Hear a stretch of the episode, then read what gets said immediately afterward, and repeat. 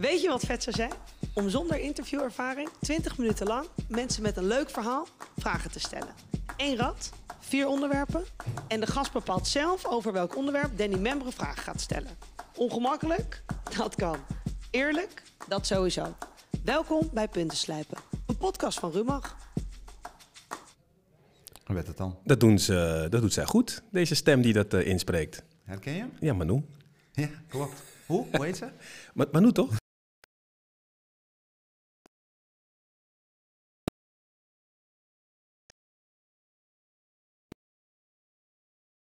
Oh. Maar het klinkt wel eh, goed. Ja, toch? Ja. Ja, vind ik ook. Ehm, we hebben een podcast. Ja. Ik ben geen interviewer, dat weet je. Ja. Ik ken jou goed. Ja. Of goed. Dit is heel moeilijk hè, wat jij doet hè, nu. Waarom? Allermoeilijkste wat jij nu gaat doen.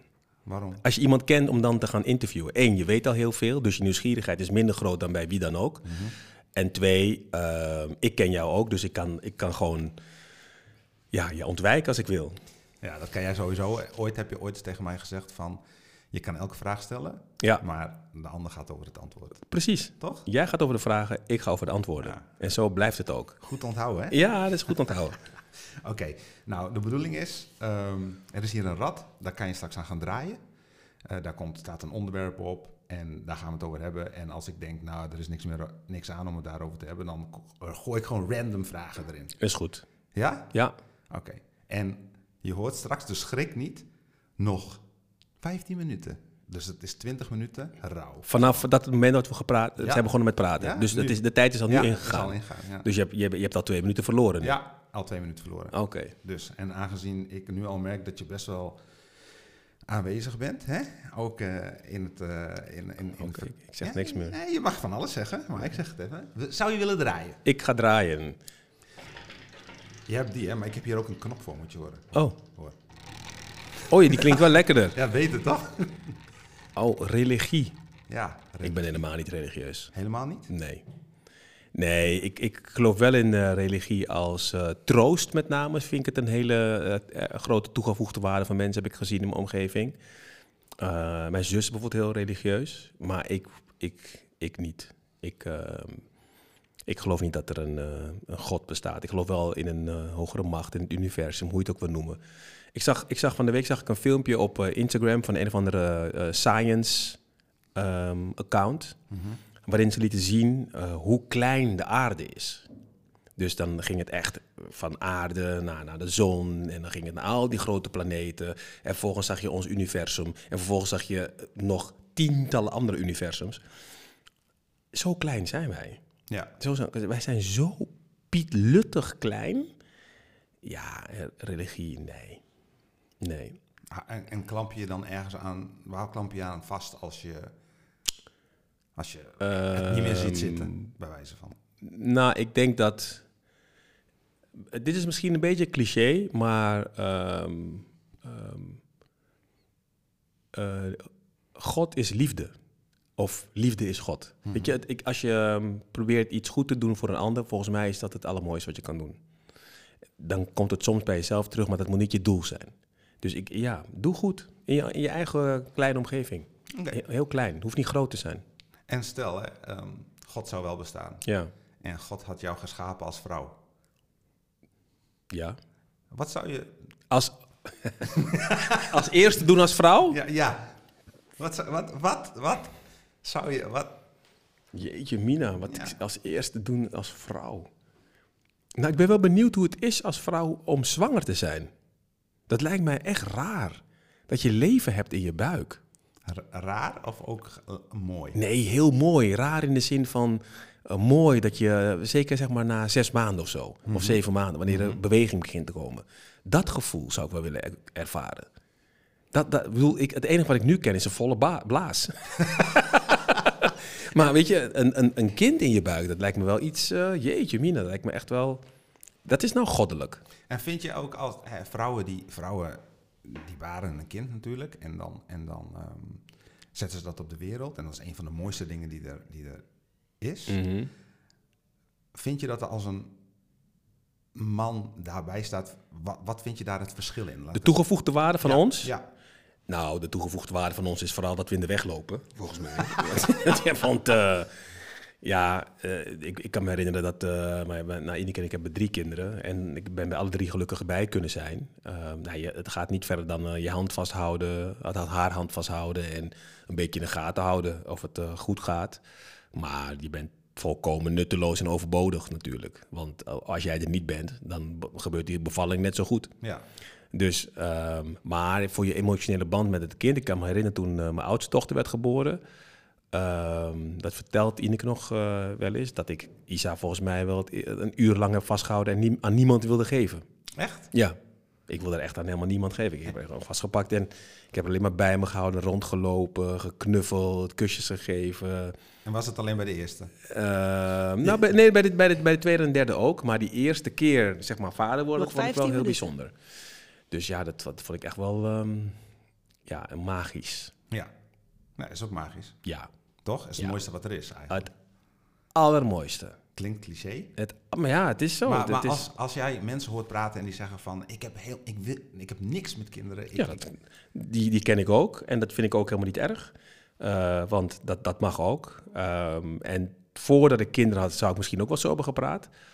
Maar uh, nu ik het eenmaal heb gekregen en de, hè, het is dat me is gegeven... Mm -hmm. ja, ik vind het wel heel mooi. Ook die ontwikkeling van die kinderen te kijken. Ja. En bedoel, mijn oudste is dan nu 23 en mijn jongste is 13. Ja, en de middelste dan 20. Ja, ik vind dat wel uh, mooi. Daar doe ik het eigenlijk voor. Ja, snap ik. Zou je nog een keer willen draaien? Ik ga niet zo hard draaien, oké? Okay? Ik doe wel zacht draaien. Even kijken hoor. Oh, dat vind jij leuk, hè? geld. Is, is geld erg belangrijk voor je? Nou, uh, geld is nooit een doel van mij geweest, maar ik heb de afgelopen jaren wel uh, altijd goed verdiend. En uh, daar ben ik wel ook trots op, omdat het, het geld wat ik uh, verdiend heb en, en nog steeds verdien, ja, dat doe ik met, met mijn talent. En dat is met het praten vooral. Um, en daarmee heb ik weer andere inkomstenbronnen kunnen maken. Ik, verhuur ook wat huizen. Dus ja, dat, dat is wel, daar ben ik wel echt trots op dat we dat hebben kunnen creëren. Wat is het meeste dat je ooit hebt verdiend? In één jaar? In een jaar of een opdracht? Nou, dat is. Of allebei? Noem maar allebei. Nee, dat, dat, laat zeggen, in één jaar gaat wel voorbij de zes nullen. Ja? Ja. Oké. Okay. Nou, dat is niet uh, verkeerd. in één jaar, hè? Dat is het meest wat ik ooit. Ja, dat is. Ja. En je grootste opdracht dan? Want je doet ook opdrachten. Ja, ik doe ook opdrachten. Nou, ik denk dat uiteindelijk is RTL mijn grootste opdrachtgever. Wel, ja, dat is altijd wel een, uh, Talpa misschien wel. Nee, RTL is mijn grootste opdrachtgever. Hm. Want uh, bij Talpa kom ik nog van de NOS, dus dan was ik uh, veel goedkoper. Okay, ja, dus, dus eigenlijk is je marktwaarde gestegen? Mijn marktwaarde is de afgelopen jaren gestegen, zeker. En, en? en dat is, dat is ja, ook even ook goed uitbetaald. Ik bedoel, ook de omroep zelf heeft er goed aan verdiend, hè, afgelopen jaren. Ja, ja. En, en, en, en ondanks uh, al dat gedoe met RTL ook nog steeds gestegen? Uh, niet gedaald toen. Nee. Ik denk dat het nu anders zal zijn, omdat je uit de coronatijd komt. En bijvoorbeeld de inkomsten bij televisie nemen sowieso af. Lineaire televisie neemt af, zoals het heet. Normale televisie dus minder, uh, iets minder inkomsten. Um, dus ik vermoed dat het een klein beetje minder wordt. Maar uh, minder in een mindere tijd is niet minder. ja. mooi vertellen. Ga je meer online doen dan? Ik ga wel proberen om, nou ja, wat jij nu doet met podcasts bijvoorbeeld. Ik denk dat het wel verstandig is om ook iets te proberen te creëren uh, waarin je iets voor jezelf uh, maakt. Dus waar je zelf ook eigenaar van bent en zelf degene bent die uh, de touwtjes in handen heeft. Ik denk dat het wel verstandig is om dat te doen. Want ik heb naast RTL, ben ik ook voor Afrotros, bij de radio. Um, nou ja, wat, je, wat ik je zei, um, het verhuren van, van goed. Um, nou ja, Rumach bijvoorbeeld, en nog een winkel waar ik wat in heb zitten. En ik hoop wel dat op een gegeven moment dat je ook iets kan creëren... waar je zonder dat ik er persoonlijk bij aanwezig ben, iets kan verdienen. En dat is niet makkelijk. Dat is niet makkelijk. Tot nu toe moet ik overal zelf bij zijn. Ja. hey, stel hè, je komt op een naakstrand terecht. Mm -hmm. Trek je je kleren uit? Nee. Waarom niet? Waarom wel? Maar waarom niet? Nou, waarom wel? Ik moet er niet aan denken. Ben je, ben je, ben je ergens onzeker over? Nee, nee, nee, maar ik, ik, ik zou niet weten waarom ik op een na... Ik heb heel vaak op een naakstand gezeten. Wa- hoe, waarom? Nou ja, ik, in Griekenland bijvoorbeeld was een soort van half naakstand, half eh, gekleed. Ik ging altijd gekleed. Hey, ten eerste praktisch, al dat zand in je bil is niet, echt niet lekker. en ten tweede, nu in deze tijd met, eh, met allemaal telefoontjes, et cetera. Nee, nee man. Nee, En, en, en, en je bent nu, ik, eens hoe oud je bent. 55. 55, ja. En iedereen zegt altijd tegen jou, want ik ben wel eens met je, eh, hoe kan je er nog zo uitzien als je 55 en zo Ja, fit en dit ja. dat. Terwijl je laatst je hamstring hebt ges- gescheurd. Ja. Goed, dat is wat anders. Ehm, ben je ergens onzeker over? Lichamelijk? Lichamelijk. Eh, ja, ik merk dat ik de la ik, ik heb net toevallig, een- nu net, eh, een filmpje gezien eh, wat ik heb gemaakt voor de Postcode Loterij. En toen zag ik mijn buik voor het eerst van, hé, hey, dit heb ik Nog echt nog 10 minuten. nooit bij mezelf gezien. Dat ik echt een, ik begin echt een buikje te krijgen. Te, te, te, te krijgen. En ik dacht van, en ik vond dat erg eigenlijk. Kijk hier. Normaal gesproken zou ik bij u thuis langskomen. Kijk, zie je dat? Ik zie het. Zie je het? Ja, ja. Ja, nee, maar het is echt, het is echt wel een, eh, een, een, Een coronabuik? Nou, ik denk, nou, ik, ik merk het bij mezelf ook dat ik iets meer eet dan normaal. Eh, goed voorbeeld is chocola bijvoorbeeld. Daar heb ik zo'n echt zo'n lekkere verkadereep, eh melk met hazelnoot. Nou, als ik zo'n reep heb, dan kan ik echt daar makkelijk een week mee doen, omdat ik gewoon één of twee stukjes pak en dan that's it. Niet omdat ik bewust met mijn lijf bezig ben, maar dat is gewoon wat ik, mijn behoefte.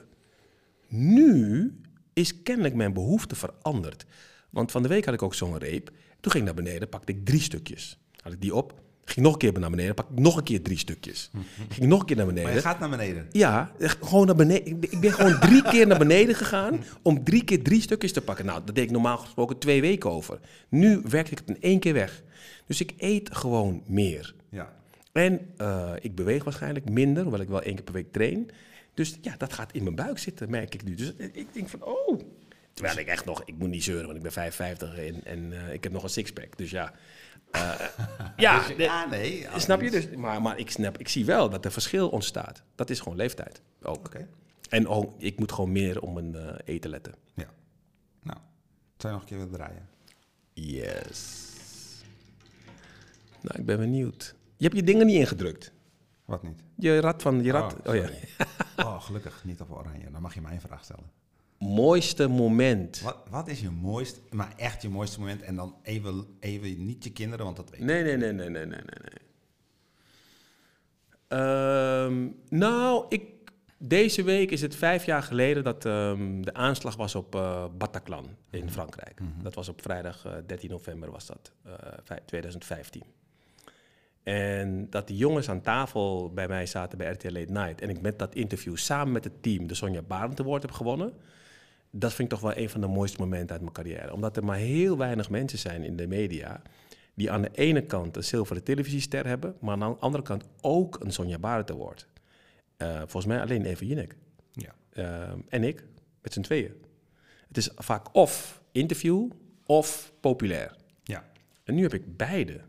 Ja, die combinatie, dat vind ik ehm, qua eh, werk wel een van de meest waardevolle momenten. Plus dat ehm, een van die jongens in zijn boek heeft geschreven dat hij toen zo integer behandeld is bij RTL Late Night in die periode.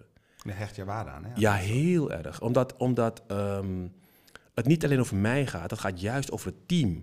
Het gaat over de gastvrouw Judith. Het gaat over Angelique bij de visagie en Ivanka.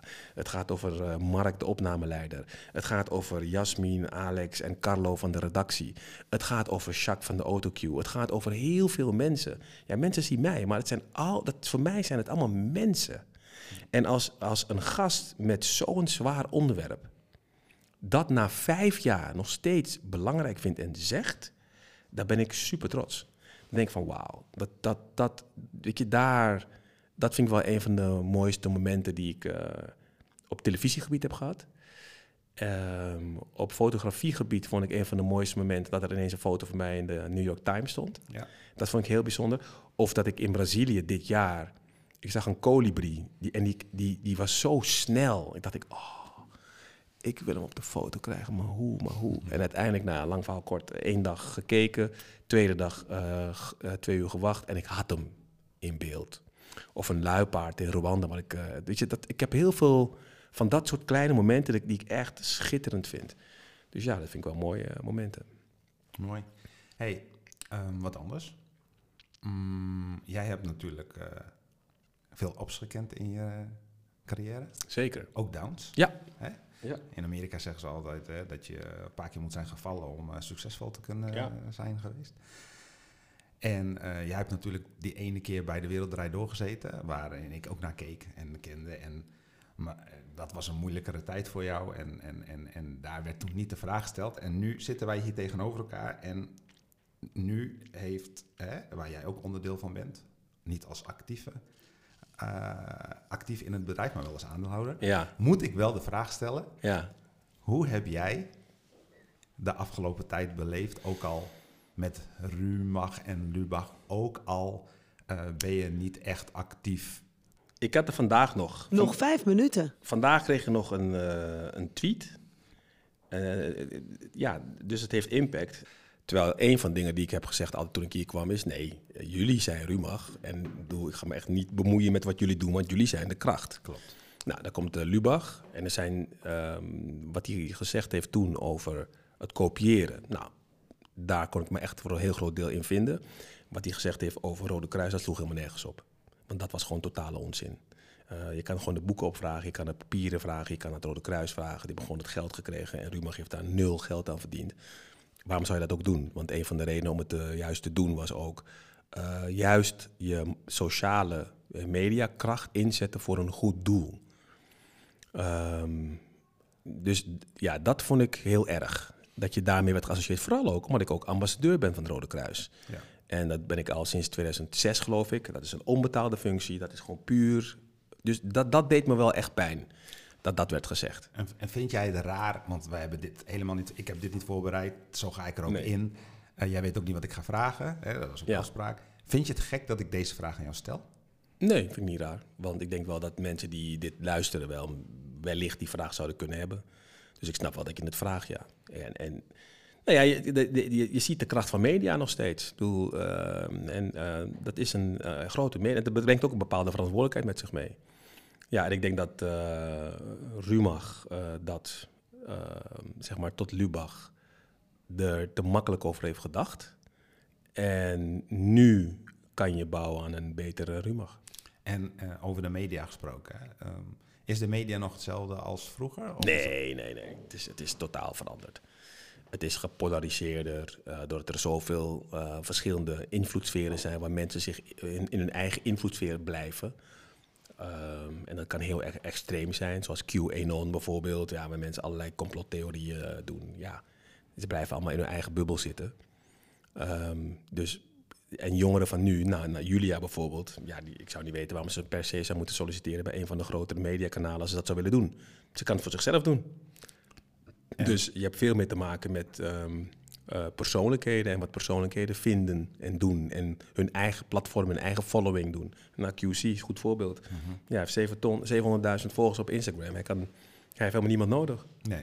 Nee, dus, dus, dus dat is echt veranderd. En ehm, eh, neem je dat ook mee in je radioprogramma? Die manier van, eh, hoe doe je, eh, want je hebt natuurlijk, oh, je gaat op de actualiteit, je Ja. hebt gesprekken. Nou, ik zag, ik zag vandaag een, een meisje die, zij heeft een, een filmpje gemaakt over de jeugdzorg.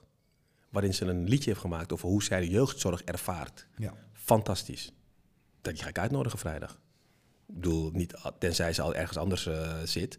Maar die ga ik uitnodigen, want dat vind ik echt wel een heel eh, bijzonder verhaal. Weet je, om dat eh, te horen. Dus dan zie je ook dat zij die kracht gebruikt van YouTube. Want ze heeft op YouTube geplaatst. Ja, dus dat gebruik ik ook in in mijn radioshow. Dat soort mensen. Of Queen's Gambit, dat is een serie op Netflix. Nou, daarna hebben we een schaker naar binnen gehaald, een- een meisje van 21, voor de radioshow. Om daarover te praten ook. Weet je. Dus het heeft ook voordelen, hè, want ja, het is, het is juist heel goed om ehm, op die manier ook met mensen te praten en eh, die breder zijn dan alleen maar in mainstream media, zoals het heet, MSM. En stel, stel, je zou één ding in de wereld mogen veranderen.